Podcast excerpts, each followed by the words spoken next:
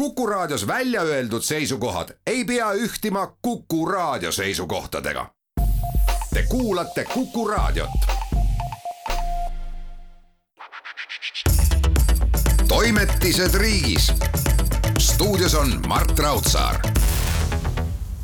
tere tulemast taas kuulama saadet Toimetised riigis. koos minuga on stuudios ajaloolane ja õigusteadlane Peeter Järvelaid kellega koos me mõtiskleme sel teemal, kuidas ühes riigis ja nagu te aru saate, jutt käib nii Eestist kui Kasahstanist, Kasahstani näitel, kuidas ühes riigis, kus sul on palju erinevaid rahvusi ja mõned rahvused on päris suured, edukalt panna kõik kõnelema riigikeelt. tere tulemast, Peeter Järvelaid! tere tulemast! ja Kasahstan on ju riik, kus äh,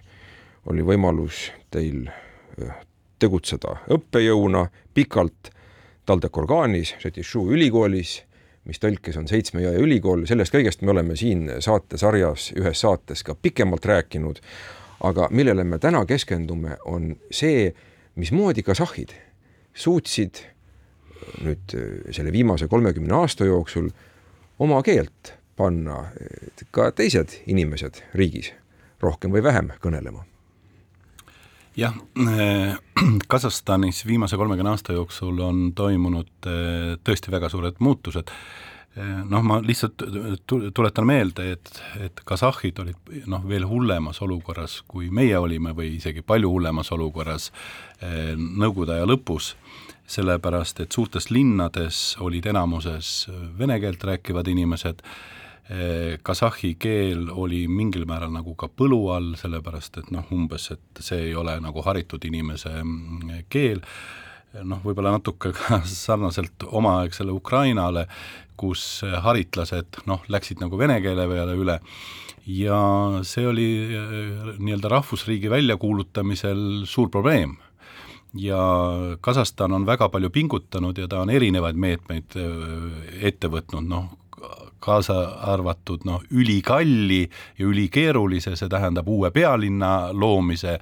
ja seal nii-öelda rahvastiku kujundamise, mis nii-öelda vastaks selle riigi et pealinn ju viidigi põhjaossa, kus oli kasahhe vähem. See, on... see oli projekt, et viia rohkem kasahhe piirialadele ja muide, just täna hommikul uudistest ma kuulsin ähvardust Venemaa poolt kasahhi suunas, et vaadake, vaadake, et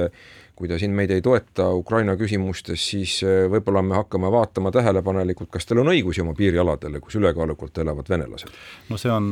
see on nii-öelda teadlik või su suur probleem olnud kogu aeg Kasahstanil ja ja siin on, siin on nagu eri, erinevaid meetmeid, on ju, üks on ka see, et eh, sündivus on eh, Kasahstani eri, erinevates piirkondades erinev. ja lõuna pool, kus on enamuses siis kasahhid, moslemi elanikkond, seal on sündivus hästi kõrge, eh, elanikkond on hästi noor, seal on vaja koole, seal on vaja kutseharidus andvaid asutusi, seal on vaja töökohti, aga tööstuslik või nagu põhi on, on alati olnud nagu see arenenum ja seetõttu on noh, nii-öelda sellised ri-, riik on oma, oma riigisiseselt eh, toetanud seda, et kui lõunas on näiteks eh, puudu õppekohtadest, siis on olemas internaadid, on olemas erinevad viisid ja kasahhid eh, on eriti viimastel kümnenditel asunud põhja elama aga see kõik äh, viib meie mõtted sellele, et on riiklik poliitika. see, on kind... see mitte ei juhtu juhuslikult kõik. ei, see kindlasti ei juhtu, ei juhtu juhuslikult ega ei saa öelda, et turg paneb paika see ei ole niimoodi, sellepärast et noh, Kasahstan asub veel, mõelge ise, tähendab, tal on ülipikk piir Venemaaga, ülipikk piir Hiinaga. nii et see piirkond on väga turbulentne, väga, väga keeruline ja, ja seal, seal sa näed või noh, kui sul on võimalus nagu noh, rahulikult kõrvalt vaadata seda, sa ei pea pooli valima, aga sa saad jälgida, siis sa näed, kuidas neid asju tehakse. ja kuidas neid siis tehakse? no tehaksegi niimoodi, et väga suured investeeringud, et, et seesama tänane Nur-Sultan on ju, see on ju miljardi ehk siis pealinn uue nimega? pealinn jah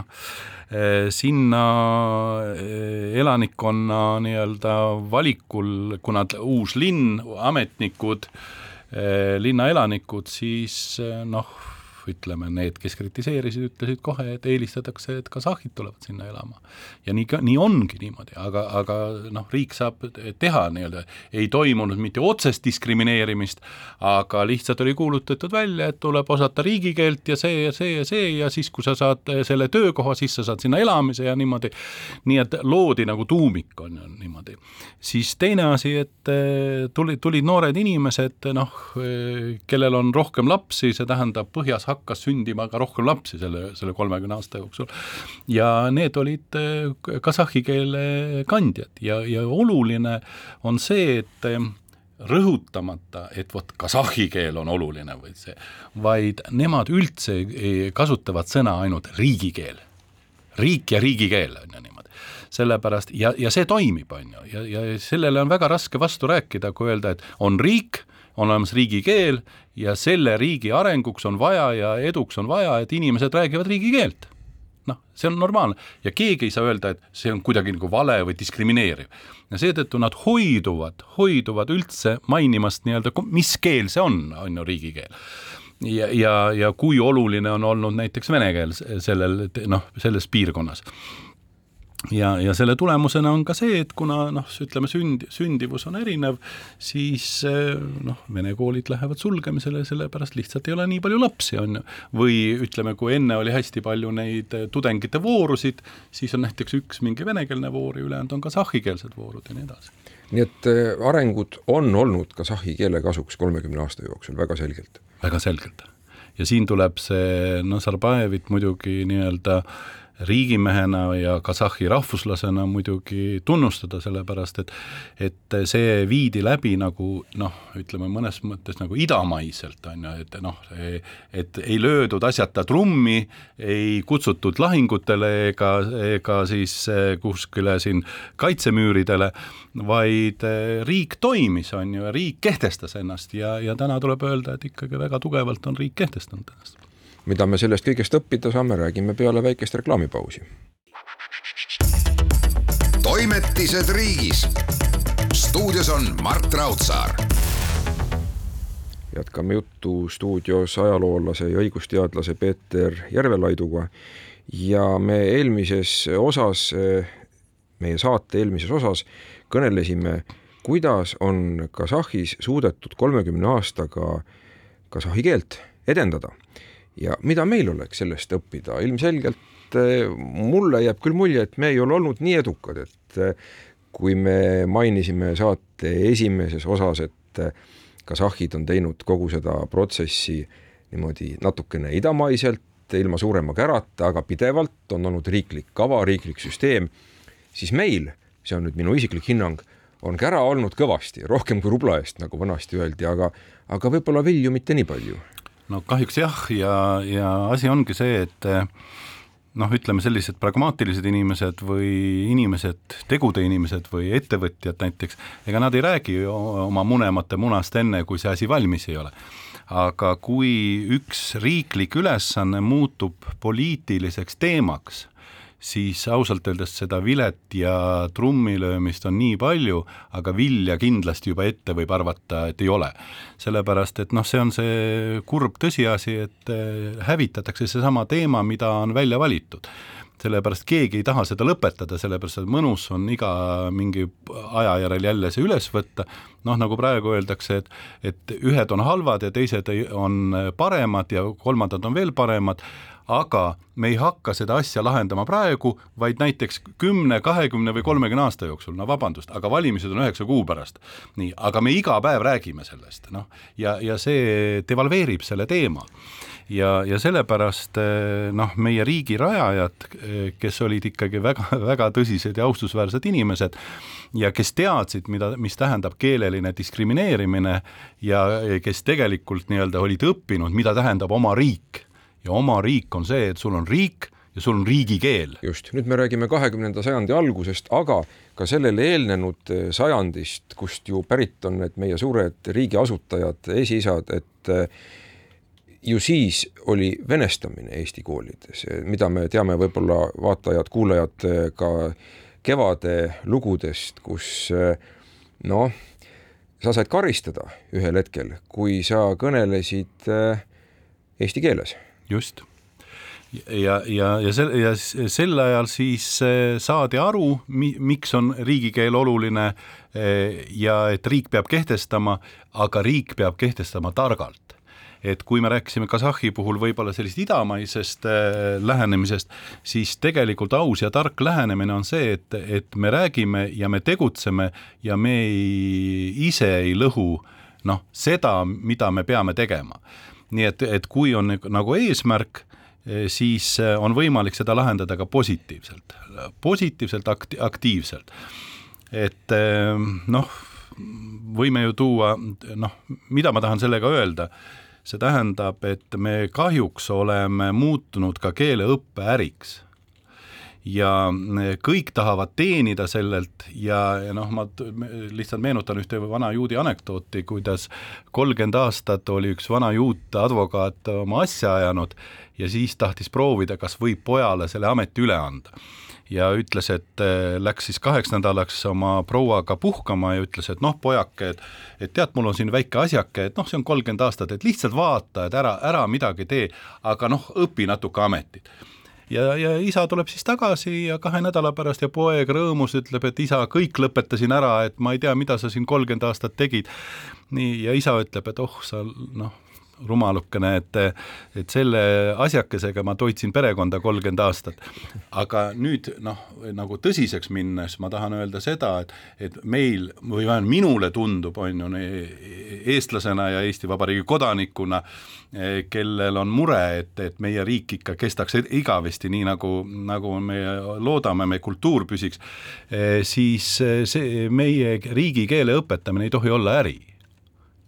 ja, ja vaid missioon. see on missioon, tähendab, et, et kui me oleme öelnud, et, et siin peab see kestma, meid on siin ainult miljon ja, ja selles keerulises maailmas me peame siin ennast kehtestama ja looma kultuurile alused, siis me peame tegutsema, see ongi meie missioon, on ju, õpetada ka nendele, kes tahavad meiega koos olla, et nemad ka õpiksid ära ja, ja siin ei ole see nagu asi, et eh, kas Euroopa Liit peab maksma või, või lugeda mingeid miljoneid, et oi, mul on kakskümmend aastat pensionini, noh, see, see, seda asja ei tohi ju enne ära lõpetada, on ju. ja, ja paljud riigid, kellelt me võiksime eeskuju võtta, teevad niimoodi ja, ja minul on ka selge nägemus, kuidas me võiksime seda teha mm. -hmm. kas ma oletan nüüd, võib siin nägemuses olla ka väikene seos sellega, kuidas asju tehti tehti tuhat üheksasada kaheksateist, tuhat üheksasada üheksateist, millest meil on ju minevikus õppida, võtame näiteks siis Tartu Ülikooli muutmise rahvusülikooliks ja eestikeelseks, aga õppejõud jäid ju samaks, kes paljud olid täiesti umbkeelsed jah, no õigusajaloolasena ma võin seda tõesti kui ühe väga hea näite tuua. tähendab, asi oli selles, et kui tuhat üheksasada üheksateist eh, Tartu Ülikool Vabadussõja tingimustes on ju avas uksed, siis õigusteaduskond ei saanudki veel avada, sellepärast et ei olnud, oli ainult üks dekaan, Nikolai Maim, eestlane küll, aga ka vene keeles hariduse saanud, on ju, üks mees oli niimoodi. ja, ja alles kahekümnendal aastal pidi õigusteaduskond siis hakkama Eesti riigil juriste koolitama samas oli Eesti riigil sada kakskümmend viis juristi ainult niimoodi, kui mõelda, ja sada kakskümmend viis tudengit ja, ja milles siis oli asi, eesmärk oli, et kiiresti minna siis eesti keelele üle. aga samas peate ju realistiks jääma.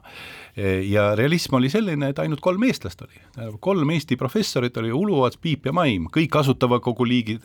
liikmed, Eesti riigi rajajad, nii, aga teised olid siis, osa olid siis saksakeelsed mõned ja enamus olid venekeelsed, on ju, väga head õppejõud, on ju, Peterburist professorid ja niimoodi. aga mis oli siis see pragmaatika? Tuli seada reaalne eesmärk ja nad seadsid väga reaalse eesmärgi, jah nad möönsid, et ilmselt on ju, no ei tee eestlaseks seal ei aastaga, kahega, kolmega. Paar tükki proovisid ja noh, nii-öelda said hakkama, aga teistel ei olnud noh, kas motivatsiooni või, või ambitsiooni, nii, aga väga kindel eesmärk oli sel juhul, miks välismaalast omada, eesmärk oli, et Eesti Vabariigi Tartu Ülikooli eh, õigusteaduskonnas on kõik professorid eestlased kes valdavad riigikeelt, õpetavad riigikeeles. nii, ja nüüd oli vaja neid eestlasi saada. Ja kolmkümmend üheksa oli kaheteistkümnes õppepool täidetud, see tähendab jah, läks kakskümmend aastat, aga eh, nähti neid inimesi, kes olid nii-öelda meiega. aga noh, mingil põhjusel noh, nad, nad ei suutnud täita seda ülesannet, aga on tähtsam ülesanne, on ju. Mhm. ja, ja kolmkümmend üheksa oli, oli olemas, on ju, eestikeelne eh,, hästi haritud, välismaal õpp, eh, õppinud ka lisaks, on ju, võõrkeeli oskav, õigusteaduskond oli olemas. no see tähendab siis ju seda, et iga selle võõrkeelse õppejõu kõrvale istutati assistent kohe, kes eh, aitas asjaajamisel, aga samal ajal ka omandas neid tarkusi kõrvalt ja oli ette näha, et tema võtab professuuri üle. jah, ja, ja, ja nii kujuneski, sellepärast et, et noh, näiteks äh, Elmar Ilus, kes oli ka nagu keeleliselt väga andekas, tema oli eh, tsiviilõiguse professor Tütrumovi assistent eh, kõik need aastad, on ju, ja, ja töötas Eesti õigusterminoloogia välja, eh, sai e-, eestlasest professoriks, õpetas ka nõukogude ajal, nii et täpselt nii oli. Võib-olla peatume korraks ka terminoloogia arendamisel, ega see teema on ka tänapäeval väga aktuaalne, kui räägitakse ju inglise keele pealetungist, et võtame arvuti valdkonna, kus on terminid ingliskeelsed ja et ju kohe üks nendest, kes tegeles keeleloomega laiemalt, oli Johannes Aavik, mida arvatavasti kuulajad teavad, kuid õigusteaduses on ka, oli ka vaja spetsiifilisi termineid ja sellega tegeldi, loodi ajakiri mm -hmm. lausa, kus siis, kus siis tegeldi süstemaatiliselt terminitega. no vot, oligi niimoodi, et, et eh, on vaja tegeleda siin eh, riigikeelele üleminekul või riigikeele arengul on vaja noh, mitme asjaga korraga tegeleda ja, ja tegelikult meil on täpselt sama ülesanne, et oleks täna vaja. aga tol hetkel oli olukord ikkagi väga keeruline, see tähendab, et need juristid ka, kes olid praktikal, on ju, nendel olid koodeksid olid seal teistes keeltes, õppinud olid teistes keeltes eh, ja loota, et nüüd läheme riigikeelele üle ja igaüks kodus siis eh, ise mõtleb või mõtleb, et huvitav, kuidas tõlkida seda või teist sõna, vaid ajakiri õigus asutati ja, ja see oli kahekümne aasta jooksul ikkagi silmapaistev juura arendaja. ja, ja esimesest numbrist peale ajakirja lõpus oli sõnastik. Eesti-Vene eh, siis eh, juurasõnastik. Ja esimesena vali, valiti nuhtlusseadustik või tänapäeva karistusseadustik. ja, ja tambiti otsast peale terminid, sellepärast et see oli võimalik üldistada, see tähendab, igal juristil oli olemas see ajakiri kodus, luges läbi ja vot siis oli võimalik öelda, et nüüd me tõlgime, nüüd me räägime. Täna on meil inglise keel peal. Ja, ja jälle igaüks kodus nagu loodab, on ju, nii ei arene terminoloogia, meil on vaja nii-öelda need kandjad ka, et ikkagi teaksid, et mis sõna me oleme valinud ühe või teise, teise asja puhul. no toome, toome ühe sellise näite noh, nõukogude aja lõpust, noh, jälle nagu natuke huumoriga, seesama uutmine, kui, mis mõeldi välja selle perestroika, perestroika eh, Tallinnas mõeldi välja, aga Lõuna-Eestis uutmine tähendab ju ootamist noh, et ise, isegi siin noh, ütleme, oli kiire tookord, aga räägime ühtemoodi. noh, kas nüüd Lõuna-Eesti istus ja ootas seda nüüd noh, neid arenguid, aga noh, huumoriga oli, mõnikord me mõts-, mõt-, võtsime seda perestroikat ka. Kes õigusteaduskonnast, toona me räägime siis eh, kahekümnendaid aastaid, tegeles terminoloogiaga? no ikkagi kõik eestlased tegelesid, aga eh, Ilmar, see eh, Elmar Ilus oli, oli selline väga-väga tugev keelemees ja, ja noh, näiteks ka üks mind väga mõjutanud professor Leo Leesment oli, oli ka kindlasti üks keeleliselt väga andekas inimene ja, ja kes arendas ka Eesti, Eesti õiguskeelt mm. -hmm ja varsti tuleb meil väikene reklaamipaus, aga teeme sissejuhatuse enne seda, et me saamegi minna siit ühe näiteni, kuidas äh, inimene omandas palju keeli ja kui sa oled juba nii-öelda nagu soodsates oludes, siis see rida läheb ainult edasi, me räägime, kellest me räägime? Leo Leesmendist. just nimelt, temast me räägimegi ja ja võib öelda, et ta oli polüglott. ja kindlasti, no vähemalt meie mõistes, sellepärast et need olid kümned keeled, mida ta, ta oskas ja kusjuures noh, alustades siis noh, nii-öelda tolle aja haritud inimestel noh, ladina keele oskusest kuni siis hiina keele, hiina keele või malaisia või türgi keelte oskuseni. aga kuidas see kõik juhtus, selle juurde tuleme tagasi peale reklaamipausi. toimetised riigis stuudios on Mart Raudsaar. ja koos minuga on siin ajaloolane Peeter Järvelaid ja õigusteadlane, kellega me kõneleme keelest, kuidas Eestis kehtestada paremini riigikeelt, vaatasime Kasahhi näitel, kuidas seal on asjad toimunud, kõnelesime eelmises saate osas sellest, kuidas tehti asju vabariigi ajal ja jõudsime sellise legendaarse perekonnani nagu Leesmendid ja konkreetselt räägime Leo Leesmendist ja siia jäi jutt pooleli. kuidas temast sai polüglott? jah äh,, Leesmendi isa õigemini noh, alustame sellest, et Leesmann sündis Riias, on ju niimoodi, ja lätlased on alati nii-öelda noh, uhked selle üle, aga miks ta sündis Riias, sellepärast et eh, noor jurist Jaan Leesment, kes oli Tartu Ülikooli lõpetanud, kes oli parajasti praktikat tegemas, tegi oma viimase praktika enne vandeadvokaadiks saamist, tegi Riia kohtu juures. Ja elas Riias ja siis sellel ajal siis rajas perekonna ja sündis siis poeg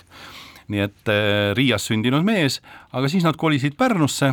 ja temast sai siis Pärnu esimene eestlasest vannutatud advokaat, et noh, väga, väga ja, ja hiljem siis esimene Pärnu eestlasest linnapea. Ja, ja nende maja asub siis Aia tänaval ja siis täpselt see oli eestlaste ja sakslaste piir nii-öelda, aga Leesment oli küll uhke maja seal äh, Aia tänava alguses, aga ta asus eestlaste poole peal, nii et see tänav tegelikult jagas linna sakslaste pooleks ja, ja eestlaste pooleks. ja polüglot sai niimoodi, et eh, Jaan Leesment oli siis Tartu Ülikoolis õppinud ja oli siis vene keeles saanud eh, hariduse, aga oskas väga hästi ka saksa keelt, oli Läti piiri äärest sündinud, eh, oskas läti keelt ka ja aga oli kindlalt eestlane. ja, ja siis äh, aga abiellus juba nii-öelda edukas, äh, edukas noor jurist rootslannaga, nii-öelda äi oli siis äh, sadamakapten ja, ja meremees. ja, ja siis äiaga rääkis ta saksa keelt ja rootsi keelt ja niimoodi siis kujunes Leesventi peres, et äh, lapsega rääkis eesti keelt isa ema rääkis saksa keelt, nii et äh, emakeel oli tal saksa keel ja järgmine keel oli vene keel, sellepärast et noh, Leesment ise ütles, et tuhande üheksasaja teisel aastal ei kujuta ette, et see impeerium võiks ära kaduda ja, ja niimoodi. ja seetõttu haritud nii-öelda pereisa arvas, et vene keelt peab noh, poeg oskama ja siis võeti Peterburi lähedalt üks njanja, kes ei osanud peale vene keele ühtegi keelt ja seetõttu hiljem, kui ta vangilaagrites oli või see, ta rääkis väga nagu venelane vene keelt, sest ta oli lapsena kuulnud nii-öelda autentset vene keelt. nii et me saame rääkida ja vanaema juures oli ta Läti piiri ääres, nii et ta oskas eesti keelt, läti keelt, enne kooli minekut räägime praegu, emaga saksa keelt, siis eh, vene keelt ja enne kooli jõudis alustada ka prantsuse keele õpingutega nii et eh, see, see oli siis nii-öelda ühe noore eestlase koolis, algas ladina keel, eh, koolis eh, õppis ta la-, ing-, ainuke keel, mida ta ei õppinud, oli ing-, inglise keel nii-öelda, noh jätkas.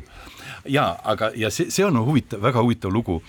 Äh, Leesment ise tun-, vanaduses või vana, vanaduspõlves kaheksakümnendatel aastatel äh, meenutas, ütles, et oi, mu isa oli väga tark mees ja ta andis mulle elus väga palju nii-öelda nõu, aga ühes asjas ta eksis, et, et mina tahtsin inglise keelt ka õppida, aga papa ütles niimoodi, et haritud inimene ei räägi inglise keelt, et see ei ole haritud inimeste keel, et et maailmas on nii palju noh, olulisi huvitavaid keeli, õpi neid, aga et inglise keel, see on sellise sinikraede või noh, rohkem tehnikute asi, et sinust ilmselt tehnikut ei saa elus, et, et sinul ei ole seda vaja. Nojah, ütleme kuulajale, et toona oli ju rahvusvahelise diplomaatia suhtluskeel prantsuse keel näiteks. meie olime Vene impeeriumi liige, tõepoolest vene keel oli oluline, pluss saksa orientatsioon oli Eesti Vabariigis saksa keel, et inglise keel oli kusagil kaugel-kaugel silmapiiri taga. no ja, ja Leesment elas eh, hiljem kolm aastat Pariisis, nii et et eh, loomulikult ja, ja tema tänas isa, isa ja oma Pärnu kooli, et eh, ta sai korraliku ladina keelena aluse, ta ütles, et oh, mis, mis neid see Äh, noh, prantsuse keelt ka kui oskad, oh ma natuke Itaalias seal äh, kahe nädalaga ma juba rääkisin, et, et see on ju nii lihtne, et tüved on ju kõik alused, noh, mis, mis seal ikka niimoodi. Mm.. aga noh, Leesment tegelikult unistas ida keeltest, et teda ja, ja siis Pariisis ta õppis hiina keelt ja neid turgi keeli ja nii et äh, noh, ta ikkagi tahtis ka ja, ja omandas. Ja elus läks isegi seda vaja, et kui ta oli vangis, see oli, sai kakskümmend viis pluss viis, siis ta oli ühes vangilaagris koos Jaapani sõjavangidega ja seal oli üks kõrge kindral või marssal seal oli ka vangis. Ja ta tahtis väga suhelda ja suhtluskeel jaapanlasega oli tema jaoks hiina keel.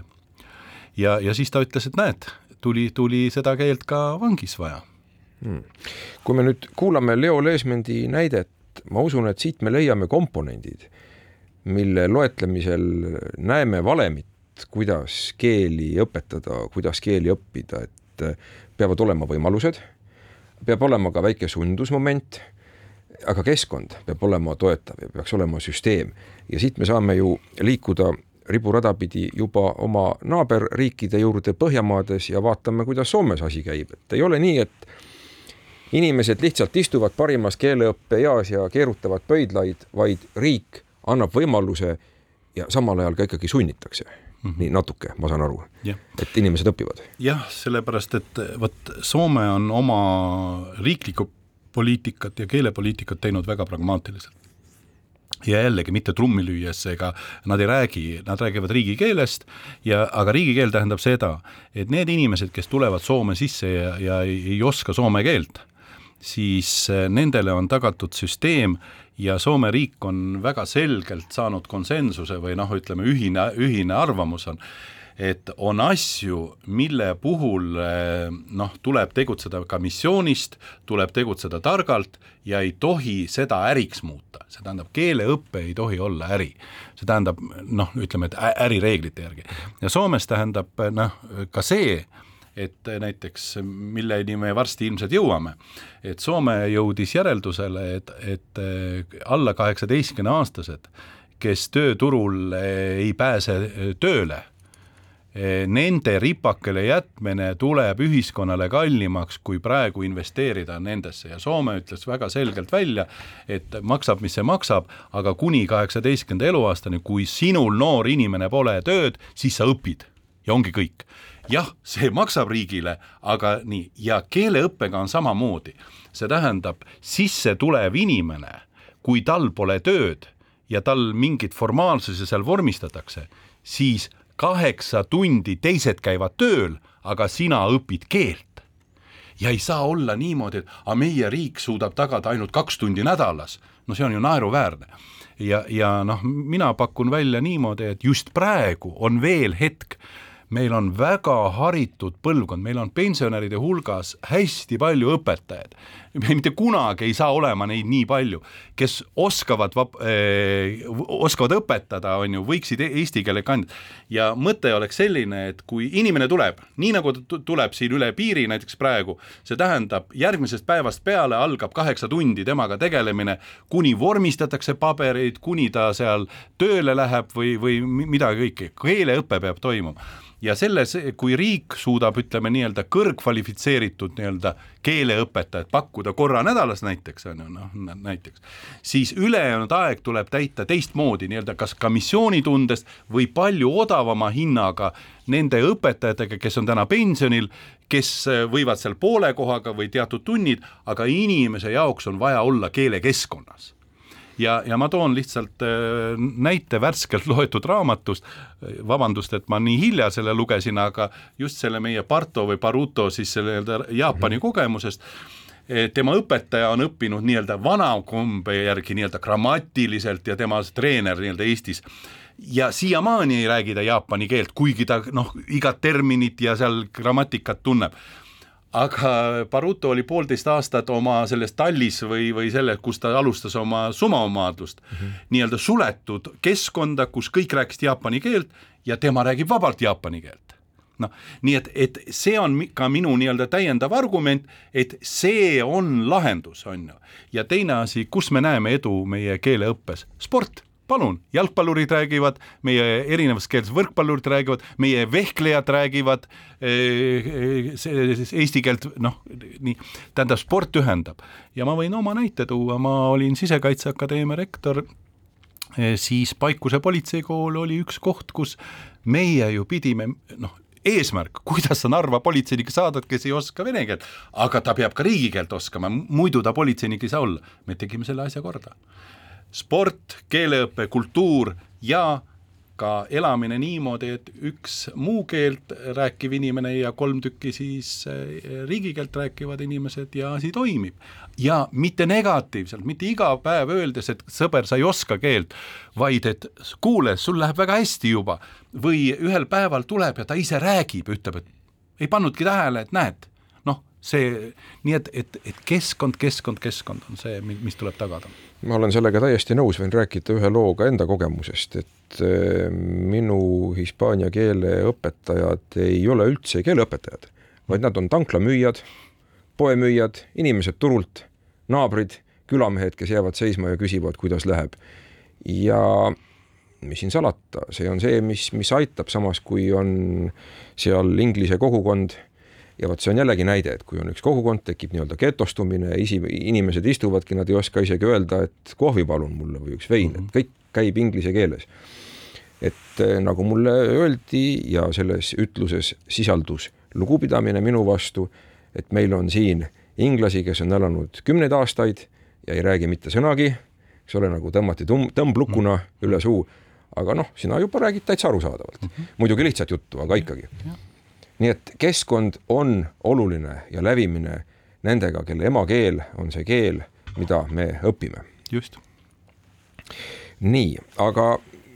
kui nüüd veel enne reklaamipausi me sellest Soome näitest korraks räägime, et mida me saaksime sealt nüüd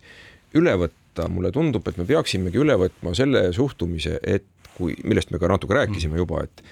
süsteemselt praegu tulevad ukrainlased näiteks Eesti riiki noh, me saame nendega lävida tõenäoliselt esialgu vene keeles, aga et tulebki neile kohe keeleõpe peale, eks nad ise näe, kas nad jätkavad siin või mitte, aga nad saavad endale vähemalt eesti keele ja, ja mina ütlen, et iga keel elus on inimesele kasuks. Ja kindlasti see äh, iga keel äh, tähendab ju seda nagu noh, teatud mõtlemist, et sa saad kas või terminoloogiat võrrelda, mis ei kattu ja see, su mõttemaailm avardub ja, ja me ei saa sellist asja,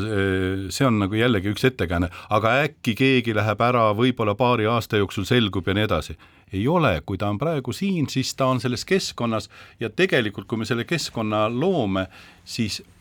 ega ta ei tule eriti kallim, on ju niimoodi. nii et eh, me peaksime ikkagi kõik, on ju, nii, nii et kõik, kes tulevad siia ja kes ütlevad mitte, et homme ostan pileti ja lähen, lahkun, noh, see on teine asi, aga kui sa oled siin, siis eh, sul on võimalik olla keskkonnas, sul on toetav keskkond ja, ja just nähakse missiooni, et, et rääkida, rääkida eh, selle inimesega, sest ainult nii, nii jääb keel külge. no ma võin tuua näite, kui ma Saksamaale sattusin, siis istusin raamatukogus ja ma sain aru, et ma mitte kunagi ei arene keeleliselt. ja siis läksin poodi ja ostsin raadio ja, ja Saksa raadio üürgas mul hommikust õhtuni eh, kõigel selle ajal, kui ma ei olnud raamatukogus.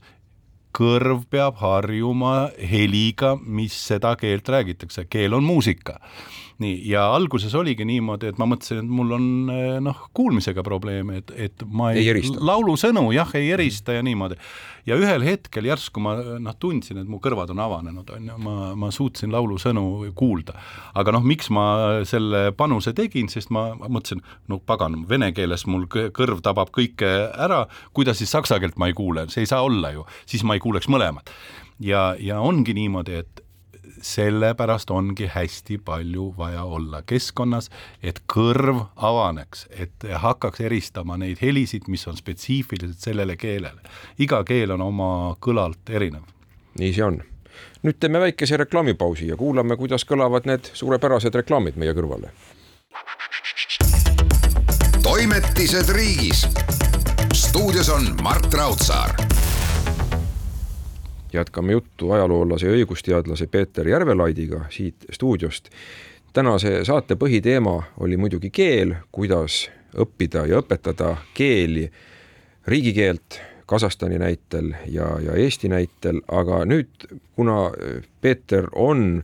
töötanud pikalt Kasahstanis, ei saa ma kuidagi üle ega ümber sellest, et meie saate viimase osa me võiksime pühendada arengutele, mis viimasel ajal Kasahstanis on toimunud ja ma usun, et ka avalikkuse tähelepanu on pälvinud fakt, et Peterburi foorumil, kus Vladimir Putin esines, ei saanud ta mitte toetust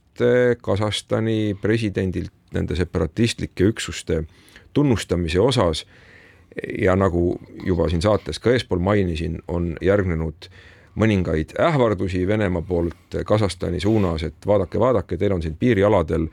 hulk venelasi elamas, et võib-olla me hakkame ühel hetkel, et praegu me veel ei nõua teie käest territooriume, aga võib-olla me ühel hetkel hakkame seda asja üle vaatama.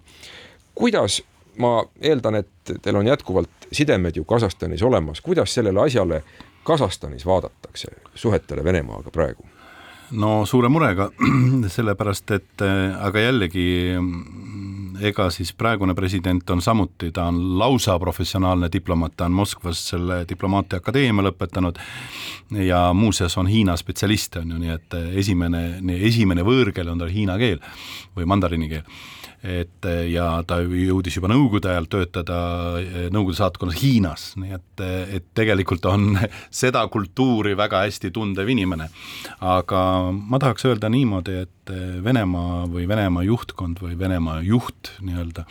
on tegelikult ehm, valla päästnud väga ohtliku džinni, on ju, mida maailm on eh, maailm on püüdnud nii-öelda Teise maailmasõja järel nagu noh, kuidas ütelda, alla suruda. Ja see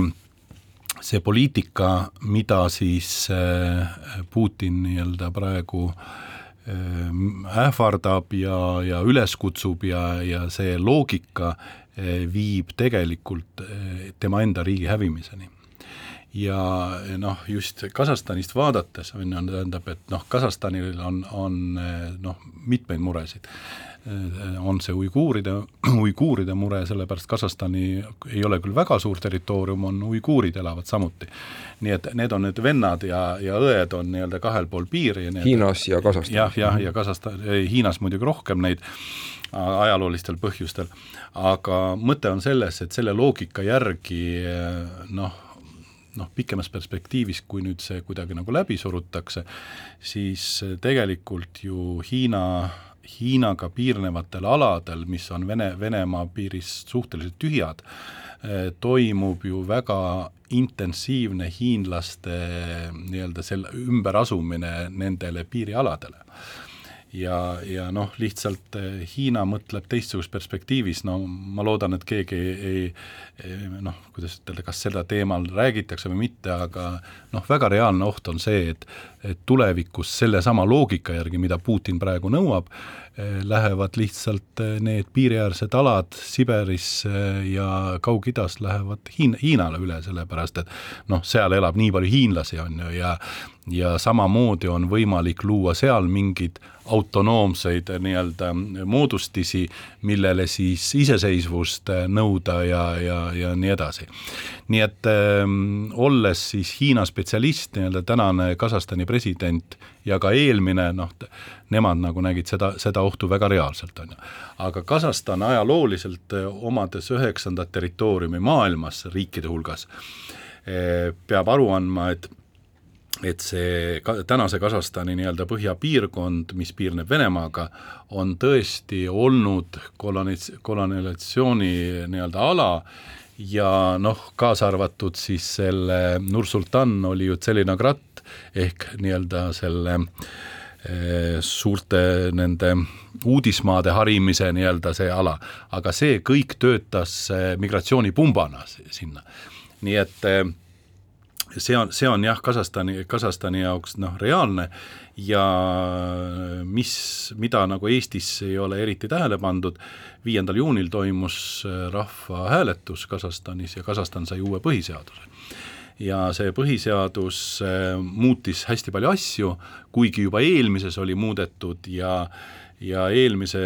põhiseaduse muutmise ajal oli väga suur rõhk pandud sellele, et tagada Kasahstani territoriaalne puutumatus mm. -hmm ja, ja seal oli defineeritud, et, et ei lähe mitte mingil juhul ümbervaatamisele ega ei saa olla mingit juttu, et mingid alad võiksid välja minna Kasahstanist ja nii edasi. see kirjutati juba Nazarbajevi ajal põhiseadusesse, aga nüüd seda veelgi, veelgi täpsustati. ja, ja praegu võib-olla nagu läänemaailm isegi ootab või vaatab seda,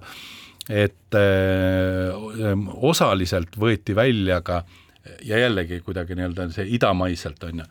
öeldi niimoodi, et rahvas rahunege, me võtame põhiseadusest välja need paragrahvid, mis konkreetselt reguleerisid riigi esimese presidendi staatust. noh, Nazarbajevi nii-öelda ja tema perekonna ja see, ja need asjad noh, võeti põhiseadusest välja ja et kõik on võrdsed ja enam mingit sellist eristaatust ei ole, aga on ju, samas öeldi, et niikaua, kuni noh, Nazarbajev elab ja nii edasi, et need kehtivad väljaspool põhiseadust. väga huvitav. aga need, need, need ei saa, need ei saa olla. aga see motiiv, et, et Kasahstan eh, kaitseb oma, oma territooriumi ja ei lase, eh, ei lase noh, tekkida siis noh, sellistel konfliktidel, mis selle aasta jaanuaris paraku juhtusid et see nagu kindlasti kõvasti ehm, äratas Kasahhi ühiskonda ja meil on oodata kohtuprotsesse. Kasahhis. ja Kasahhis on kohtuprotsesse, sellepärast et ehm, küll öeldi niimoodi, et, et ära hoidmaks eh, verevalamisi või uusi selliseid, et on need protsessid kinnised, aga et kohtu alla lähevad väga kõrged eh, noh, sisejulgeoleku inimesed, keda süüdistatakse riigireetmises mm.. see tähendab, et eh, noh, konkreetselt olid sellised näited, et et eh, teatud piirkonna politseijaoskonnad eh, andsid ennast nii-öelda noh, ilma vastupanuta nii-öelda teatud ründajatele, kes sisuliselt said relvad sealtkaudu noh, nagu fiktiivselt toimus nagu siis nende ründamine, aga sisuliselt toimus eh, nende rühmituste relvastamine, kes pidid siis riigipöörde tegema. Nii et, et see oli, selle aasta jaanuar oli, oli no ülisuur šokk eh, Kasahstanile ja seetõttu võib-olla on seletatav, et Kasahstani president noh, ei lase tekkida mitte mingit noh, kaksipidi mõtlemist, et Kasahstan ei tunnusta mingil juhul, mida, mis seal, mis nime all seal eh, selles eh, Ukraina aladel midagi tahetakse teha. sellepärast, et sisuliselt ta paneks noh, köie endale kaela. ja see on arusaadav. aga järelikult me mäletame, jaanuari rahutustes olid eh, ka Vene väeüksused Kasahhis sees järelikult ikkagi Venemaa ei suutnud Kasahstani rohkem oma mõjusfääri tõmmata, kui ma vaatan praegu presidendi avaldusi, kuna ta erinevalt Lukašenkast, ta räägib ikkagi nagu iseseisva riigi president. jah, eh, noh, see, see oli noh, Nazarbajev oli võib-olla väliselt, väliselt nagu paindlikum aga kui sa oled sees ja noh, tõesti iga päev jälgid või, või seda ja erinevatest allikatest, siis sa näed, et Nazarbajev oli suur rahvuslane, tegelikult väga suur rahvuslane. aga, aga praegune president jah, ta on teistes oludes noh, pärast jaanuari ei ole enam ka Kasahstan endine, aga ma saan aru, et ta on päris see oht, et arvati, et oh, ta ei ole nii tugev, ta noh, on diplomaat, noh, nii-öelda võib-olla nii-öelda pehmekäeline, see, see ei vasta tõele, on ju, tegelikult on tegemist mm, ikkagi tugeva riigimehega. No ma arvan, et see ja ka tema väljaütlemised Peterburi äsjasel foorumil olid meile igal juhul ja ka Ukrainale head, head uudised aitäh, Peeter Järvelaid, meie vestluse eest. soovin jõudu ja jaksu, samamoodi soovin jõudu ja jaksu kõikidele kuulajatele, läheme saatega suvepuhkusele. olge rannas ja muidugi jälgige võimalust mööda ka uudiseid, olge terved. toimetised riigis